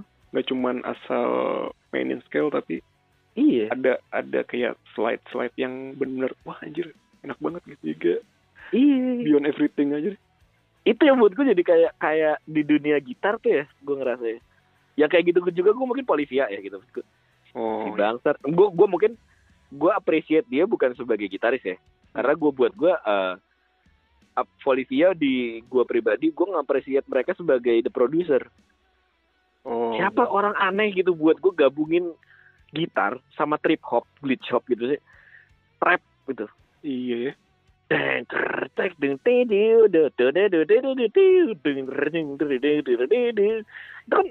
beat hip hop anjir diulik ke gitar pakai harmonik harmonik juga ribet gak sih bisa Asli. lagi si tim Jago. Hanson coy. Tim Hanson anjir lagi gayanya juga kayak gitu kan iya si orang Iya, itu buat gue kayak ya itu sih ketika ya ya you have something to tell with genre itu cuma bahasa Hmm. Ya, ya, ya. Menarik, menarik. kayak menarik. Gitu Gokil nih, udah di apa namanya? Udah ngomongin tentang gitar, tentang apa artis yang udah menginfluence seorang Mm-mm. Cantama nih. Nah, ini udah di segmen terakhir nih Tam nih. Melihat yoi di melihat kondisi sekarang nih kan lagi pandemi banget nih. Lagi yum yang apa namanya? Manggung udah lagi nggak bisa kan sekarang. Hmm. Eh, menurut lu nih eh bagaimana nih eh, musisi saat ini gitu untuk dia tetap survive di masa pandemi ini dan seberapa peng- mempengaruhinya sih gitu pandemi di skena indie gitu. oke pertanyaannya berarti ada dua ya Nah, gitu. nomor satu gue jawab dulu yang harus dilakukan tuh mungkin ba apa ya mungkin mungkin kita memang sebagai musisi harus lebih peka aja sih. Ini jadi deep nih tapi sebagai musisi jadi lebih peka aja sih. Maksudnya kadang dengan adanya pandemi ini kan lu jadi nulis lagu-lagu lu yang nggak sempet nggak sempet lu pengen lanjutin karena sibuk manggung kan? Gitu gitu Hmm, gitu. nggak sempat ngulik lagi nggak sempat latihan lagi nggak sempat bonding sama orang-orang yang dulu lo gara-gara lo sibuk lo ke mana-mana gitu-gitu. Mm-mm. ya kayak lagi disuruh break dulu aja gitu. Breaknya tapi lu bisa bikin jadi break yang produktif juga gitu kalaupun misalnya jadi jawabannya kayak ya tapi gue juga butuh ekonominya gini gini gini gini gini gini buat gue semua butuh kok gitu maksudnya yang yang yang terdampak bukan cuma musik doang gitu. Nah. Ya mungkin ketika sekarang untuk mendapatkan ekonominya yang misalnya mungkin sebagai musisi ya live session gitu atau bisa bikin kolaborasi atau atau sama siapa gitu. Tapi biasanya sih yang gue dapetin sih dari teman-teman gue yang cerita ya gitu gitu. Semua curhatnya gitu. Anjing gue tapi nggak gue nggak ada duit tapi malah jadi human banget di akhir-akhir ini. Hmm. Karena akhirnya connected with people gitu loh akhirnya. Ngerti? Yang selama ini Iya. jarang connecting with connected with people gitu. Iya, iya betul betul. betul. gitu. Terus yang kedua, skena terpengaruh apa enggak? Iya banget sih. Gila gigs kagak ada bang. gitu. Yang kasihan buat gue band-band yang mau rilis single terus keburu pandemi anjing kasihan banget gitu. Ada yang mau lagi mau album, lagi mau recording nggak bisa recording karena studio tutup. Ada yang lagi mau promosi tapi ketui ketiban gara-gara habis promosi nggak bisa manggung lagi. Iya ya. Gitu. Tapi lu- banyak Itu yang mandek tuh jalan banget. ya. Kenapa? Itu lu tetap jalan ya. Eh, recording segala macam tetap jalan. Recording tetap jalan tapi gue gue agak milih sih akhir-akhir ini. Yang gue tahu backgroundnya dia siapa sehat Oh, nggak ini oke, nggak gitu gitu. Dan gue gue tahu dia mainnya sama siapa. Apa ya kayak nongkrongnya gue tahu lah dia di mana gitu. Hmm. ya kayak selama lu yakin kayak ini orang nggak ada masalah sih harusnya insya Allah nggak ada masalah lah. Gitu. Cuma yakinnya 100% ya jangan setengah-setengah itu kalau lagi lagi setengah-setengah ya berdoa aja biar lagi enggak gitu. Gitu. Terus kan salah satunya juga kayak lu nih bikin webinar gitu kan yang sama Mm-mm. Soundfriend dan Kuasa ya. ya mm-mm, mm-mm. Eh, itu gimana ininya? Gimana kerjasamanya Tam lu bisa kenal sama orang Soundfriend sama Kuasa tuh terus sampai bisa bikin webinar khusus buat lu itu gimana Tam itu? Kalau kuasa, gue tuh dulu kenal kuasa pertama kenal sama kuasanya dulu, Mm. di, dikenalin gitu sama adalah uh, teman gue masih nambuk gitu, dikenal dikenalin sama yang punya kuasa. Akhirnya gue di endorse sama kuasa untuk beberapa apa untuk plugin pluginnya dia ya, maksudnya produk-produknya mereka gitu-gitu, yang gue pakai di studio juga. Hmm. Terus mereka pengen bikin kelas bareng Soundfriend, dia ngajak gue sebagai pembicara gitu. Akhirnya kenal sama orang Soundfriendnya. Sebenarnya Soundfriendnya gue udah udah follow zaman mereka belum jadi karena dulu pun belum ada di iOS. Cuman gue bilang pakai iOS waktu mau ini Soundfriend mau apa mau daftar Soundfriend oh baru di appsnya baru di Google Play Store doang gitu. Cuma buat gue Soundfriend bagus banget sih as in berani gitu loh bikin sosial media untuk musisi-musisi Indo gitu. Yang sebenarnya buat gue mungkin aktivasinya kurang masif karena pandemi juga. Iya, iya, iya. Mungkin mereka kan sebenarnya kita nggak tahu kalau lagi nggak pandemi bisa jadi startupnya di launching gede-gedean gitu terus gimana? Hmm. Kasian juga sih. Iya, bener juga ya. Gitu. Padahal buat gue sebenarnya tuh itu yakin gue bakal jadi calon kreatif hub gede tuh. Kayak apa ya? One day itu jadi bisa kayak forum online buat orang musisi nyari musisi lain atau eh dengerin ini dong gini gini gini gini gitu. Karena buat gue tinggal bagaimana banyak eh, bagaimana caranya orang yang banyak yang daftar soundtrack dan aktif di dalam situ Hmm. Hmm. gitu. Sebagai sosial media untuk sama musisi gitu. Gitu. Mungkin ada ada. Biasanya kalau gue sih waktu itu sempet tolol-tololan gue bercanda sama temen gue anjing kalau di Soundfriend bikin grup gogon seru kali ya. Kenapa gogon aja? Eh, gogon maksudnya gosip-gosip underground. Oh, Jadi bikin bikin banget. bikinnya di post ada grup gitu kayak grup Facebook gitu. Terus daripada di WhatsApp kan gitu. Terus kayak bikin grup gogon kali ya, di Soundfriend kali ya, yang join grup kita bayar. Gitu. Jadi kayak deep web anjing. Bahas-bahas isu-isu isu-isu skena gitu. Eh si ini masa putus sama si ini kocak sih. Ya itu mesti tolong-tolong lah buat gue kayak gitu-gitu kayak kayak jadi kan apalagi kan gosip-gosip skena kan kayak gitu ya apalagi kayak si ini mas sepatu jadi nama si ini nih gini-gini gitu. Nah itu bukan bukan di gitarisnya gitu. Iya dulu makanya gini. Wah tuh lucu lucu banget. Karena biasanya kayak gitu anak band tuh pasti sama anak band lagi gitu kan. Anjir lah jadi tempat gosip. iya betul kan maksudnya yang kayak gitu kayak gitu menurut gue kan yang kayak seru ya maksudnya Hmm. jadi aktif gitu loh maksud gue yang kayak sebagai sosial media tentang seba- kembali se- sebagai apa sebagaimana fungsinya sebagai media untuk bersosialisasi Mm-mm. gitu. Ya, maksud gue tuh itu salah satu pengandaian aja gitu. Maksudnya kayak itu kalau kalau Soundfriend udah bisa sampai jadi grup gogon seru banget makanya. Karena itu jadi beyond beyond music based sosial media kan. Menjadi sosial media yang bener-bener kayak lu ketemu sama musisi ini bisa nongkrong di bisa nongkrong online di situ. Iya iya iya benar benar. benar. Setol-tololan gitu. Jadi emang apa namanya? Ya Soundtrend bisa jadi wadah banget sih. Nanti mungkin lo akan lebih kelihatan banget. Mungkin kalau udah apa wabahnya udah mau berkurang gitu ya. Amin banget sih gue juga pengennya kayak gitu, Bang. Gua ambil minum. Oh, iya, iya, sok minum dulu santai. Bentar. Mana nih? Tapi lu sendiri sebagai sekarang apa ya buat gue? Sebagai bukan bukan orang yang aktif sebagai musisi gitu ya. Mm. Lu sendiri berarti gimana? Dunia permusikan Indonesia di tengah pandemi ini. eh gini, eh, kalau gue mikirnya in kan sekarang kan pertarungan bukan pertarungan ya. Sekarang kan panggung itu ada di online kan. Benar. Hmm.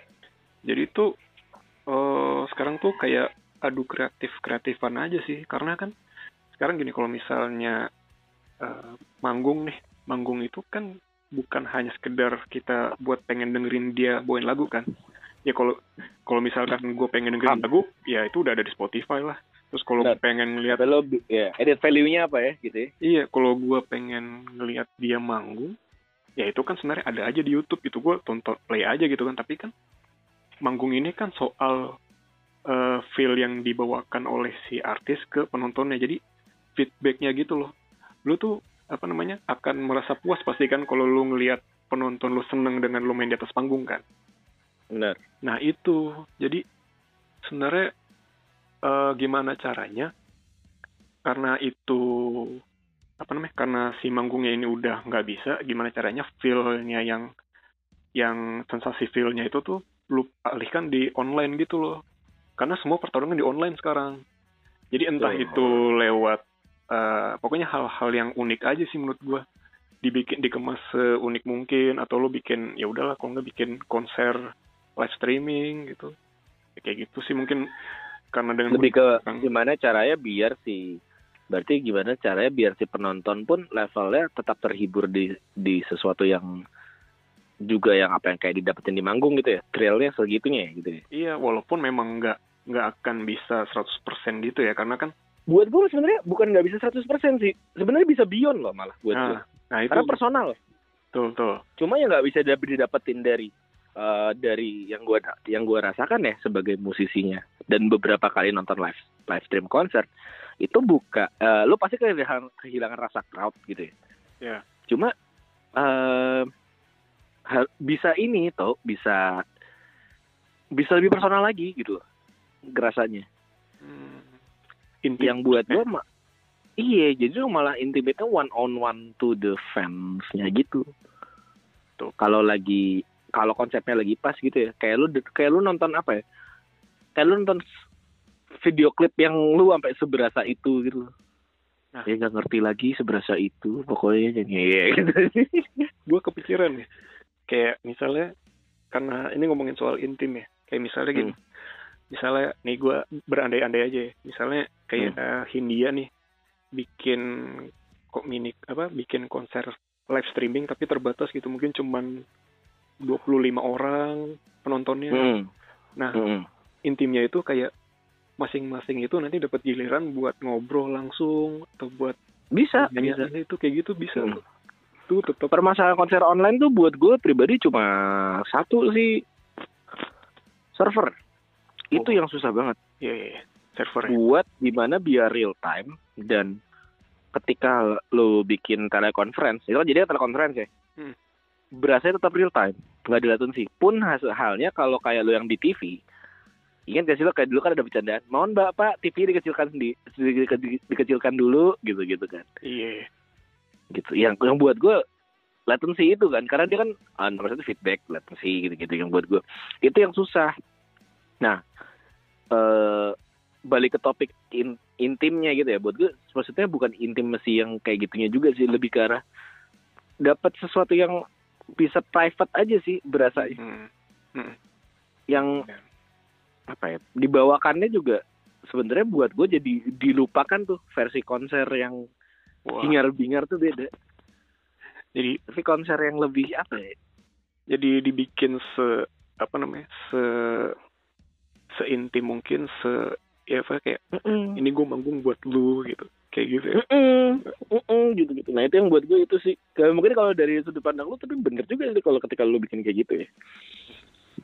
It's a nice idea juga sih ketika lu bikin sesuatu yang bisa telekonferensi cuma teknologinya kayak agak susah nih kalau di Indonesia ya. Karena kita belum semaju itu anjir buat gue server mahal anjir kalau mau bikin online konser buset. Nah harusnya ya kayak Indonesia kan orangnya oportunis ya harusnya tuh kayak eh startup startup gitu udah mulai mikirin tuh yang kayak gitu tuh. Tuh bisa jadi banyak. lahan cuma banget itu. Mm-mm. cuma yang terjadi kebalikannya. Hmm. Eh, kebanyakan malah banyak online konser tuh sebenarnya nggak live tapi tape dari tapping. Oh jadi pura-pura online tuh banyak banget Hmm. gitu karena servernya mahal banget. Dan gue juga ngerasanya kayak ya wajar sih mereka bikin kayak gini aja servernya juga lu bikin server yang bisa real time butuh call interconnect internet connectionnya juga kenceng banget kenceng banget kenceng banget Indo loh ya maksudnya di luar negeri Hmm. standar sih kayak gitu Hmm. Cuma kan di kita gigabyte per second tuh barang mewah, sementara di luar mah, oh, oh iya sih? Iya sih? iya Mungkin kayak kita ngelihat apa ya? Kayak ya sama lah. Kayak mungkin analoginya kayak lo kalau di tol luar negeri kayak lihat mobil tuh bisa maju 120 mph gitu dan itu hal yang normal gitu. Anjing di sini. Gitu. gitu. Ya kayak gitu sih buat yang lucu-lucu banget gitu. Kayak ah ini pantas susah nih gitu gitu. Kayak kalau lihat orang luar FaceTimean suaranya jernih banget videonya bagus banget. Di sini boro gitu-gitu kan Skype gitu-gitu atau apa. Aduh. Teknologinya sih belum ada sih Iya. gitu. Jadi itu eh ya mungkin nanti suatu saat ada ada startup yang bisa mengayomi iya. kayak gitu gitu. Dan bisa seperti ini ya udah produktif aja tetap produksi Bener. lagu gitu kan. Biar biar tetap apa nggak kehilangan apa namanya feel-nya dalam menciptakan lagu Iya betul terus juga ya bikin engagement engagement kecil lah ke fansnya kayak Betul. posting di IG apalah atau live Mm-mm. eh, IG live lah apa gitu ya menarik Ini- sebenarnya ada sesuatu hal yang dark sih buat gue apa tuh Akhir-akhir ini kan krisis hiburan ya. Mm-mm. Di tengah-tengah suasana suasana pandemi yang tidak serba tidak mengenakan, paranoid ke sama lain, lu overthinking lah, lu takut sama ini gitu gitu. Hmm. Lu takut dia penyakitnya, lu takut ini, lu takut itu, lu takut ya banyak lah, lu takut kehilangan pekerjaan gitu gitu gitu. Sesuatu cara lu biar ngelupain itu kan satunya hiburan ya. iya betul Tapi gimana kasusnya ya? Kalau orang-orang yang di dunia hiburan pun butuh hiburan lain. anjir Makanya gue bilang di dark sih sebenarnya. Karena yang sebenarnya secara nggak langsung beberapa dari kami pun mengalami ini. Gitu. hmm. Kita ngiburin banyak orang ini, tapi kenapa kita nggak berasa terhibur ya? Dengan adanya ini. Iya, ngerti gak sih lo maksudnya? iya iya iya. Gitu. Dan tapi yang lucunya adalah mostly most of us ya, misalnya beberapa kebanyakan dari kami yang musisi itu akhirnya ya udah gaming gitu sekarang ngerti gak sih? Mm-mm. nyari hiburannya jadi gitu kalau nggak balap apa namanya bukan balapan apa namanya maraton Netflix gitu-gitu. Maraton binge watching gitu kalau nggak apa ya. Karena gue wah ini lo tuh apa ya gue tuh kebiasaan makan maksudnya di panggung ya Mm-mm. nemu adrenalin yang kenceng gitu ya. Nemu biasa dapat ya, seminggu katakanlah ya like, seminggu sekali deh gitu naik panggung adrenalin geber sejam dar dar dar dar dar manggung udah tepuk tangan gini gini gini gini turun panggung. Capek dong. Mm-mm. tidur nyenyak dong. Iya. Capek ya? Gimana? Capek kan pasti tidurnya. Udah pulas dong. Nyampe rumah sekarang udah berapa bulan ya? Adrenalinnya nggak hilang tapi lu udah terbiasa sama energi yang segede gitu. Ya gue tuh sekarang kayak tidur tuh jam 8 pagi anjir jam ya, 7 pagi segitu ya gitu. dan jujur stressful gitu. beberapa dari kami kami ada yang sampai ikut diet buat biar bisa tidur tau gak sih lu kayak Hmm. Ya. jadi lu ma lu nggak ngambil energi di bagian malam agar lu nggak ada energi di pas malam jadi lu bisa ini jadi lu bisa apa namanya jadi bisa tidur gitu. tidur gitu Ya.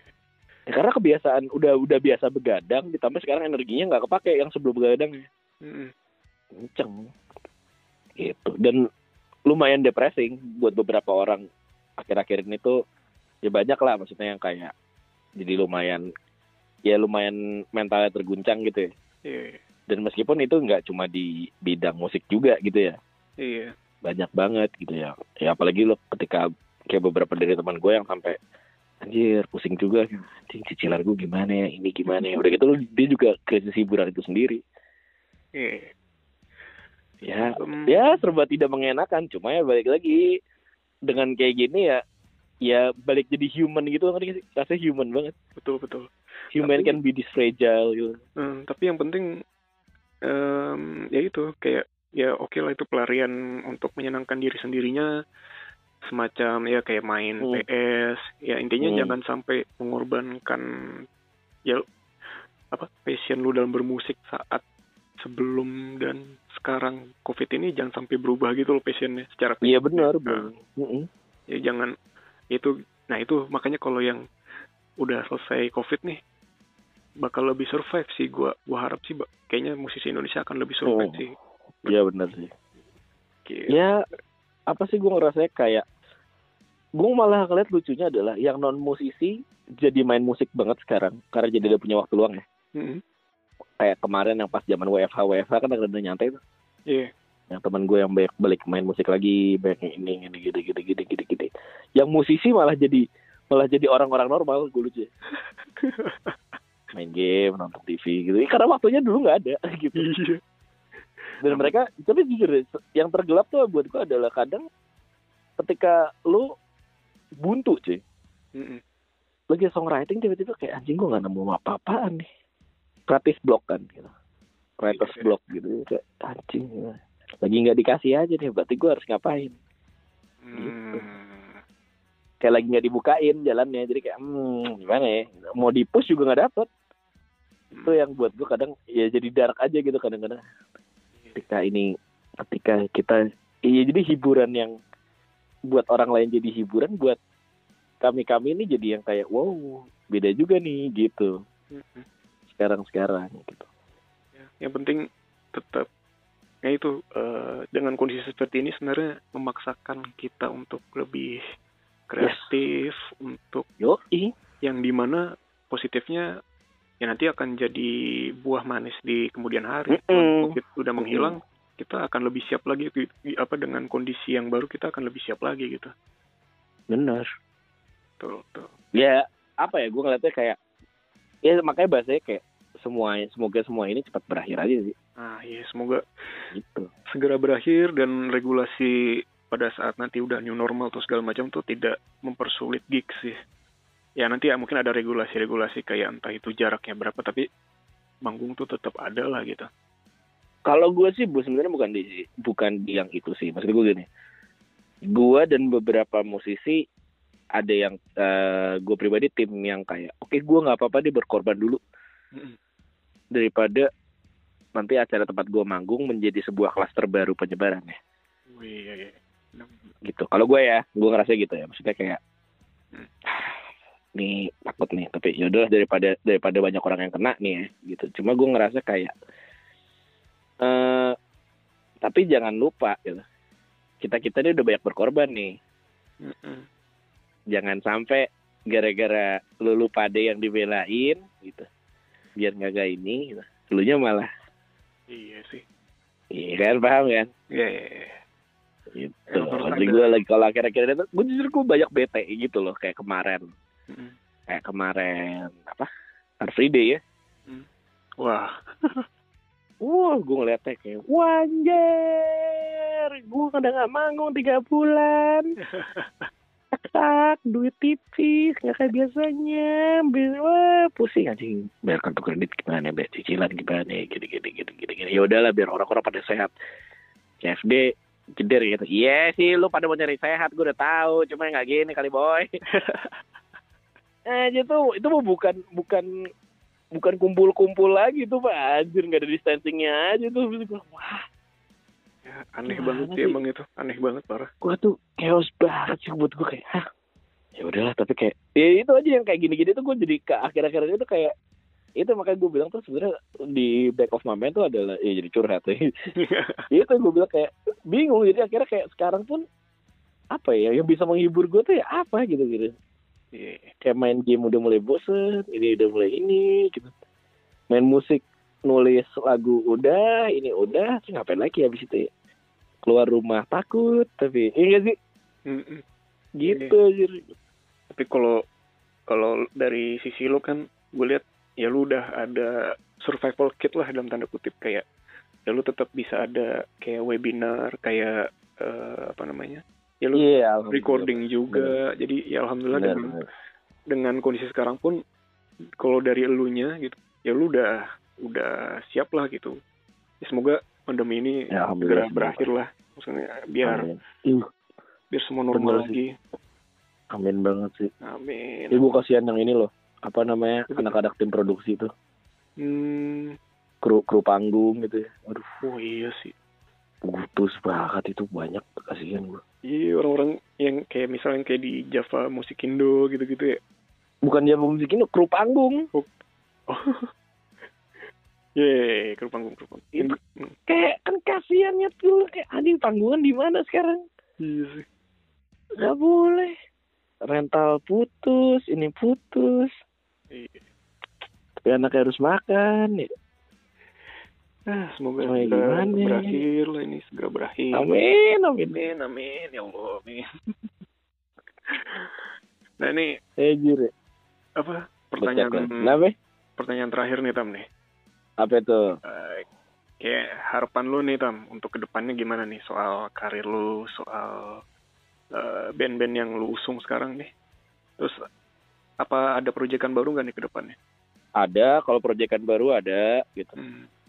Gue habis bikin band metalan lagi cuma belum tahu rilis kapan karena pandemi gitu terus kalau harapan gue untuk band-band yang teman-teman gue ya semoga habis ini masih bisa have fun lagi di panggung dapat panggung lagi gitu. Amin, amin. terus kalau gue bilang karir gue sih gue ngerasa apa ya buat gue hmm, Banyak rekaman. gue nggak per lagi mungkin gini bahasanya gue nggak pernah kepikiran tuh jadi jadi besar dengan ngambil sesuatu yang besar Jadi, tapi kalau gue pikiran kayak jadi besar tuh dengan membangun yang besar oh, Ngerti nggak? eh, jadi buat gue kayak karena eh mungkin kalau bisa cerita background sedikit eh, secara bisnis Hmm. soundpole yang gue bangun tuh bukan buat profesional Oh. Tapi buat profesional entry level Oh, ya ya ya. ya. gitu gue tuh suka banget kerja bareng sama band di album album pertamanya mereka EP pertamanya mereka single mereka yang pertama kedua ketiga gitu gitu bukan yang ke 16 ngerti gak sih Berarti lu pengen jadi apa bagian dari perkembangan band ini gitu ya? Iya, karena buat gue gini, di dalam entry level tuh band tuh banyak yang masih jujur gitu, Hmm. masih foolish Iya iya iya. Tuh. dan masih bodoh amat, masih berani nggak pakai formula gitu, ngerti gak sih? Iya. iya. Ya karena mereka ya mainin aja, just play it. Gitu. Itu yang buat gue jadi kasar ya, seru banget. Gue banyak banget dapat insight malah dari dari band-band yang gue kerjain gitu maksudnya kayak gue kerja bareng saya Lunar Lunar gitu misalnya. Gue bilang kayak anjir kok synth lu diginiin tapi enak juga sih ini lu apain deh. Ya, karena mereka jujur mereka nggak tahu cara makainya tapi kok soalnya enak gitu buat gue ngerti gak sih? Mm. Ya karena mereka masih masih berani aja gitu masih punya ya masih berani sih bukan bahasa yang paling Masih idealis. berani gitu. Iya gitu jadi kayak anjir lu berani aja ngambil kayak gini dan masih foolish juga kadang sesuatu yang mantap tuh malah yang bukan yang disiapkan matang-matang malah yang kayak Masih raw lu gitu. pakai apa pakai ini doang oh ya udah udah bagus kayak udah enak. Suka gue gue langsung kayak anjing gue aja yang pakai ini nggak bisa bikin suara kayak gini. Ngerti gitu Iya.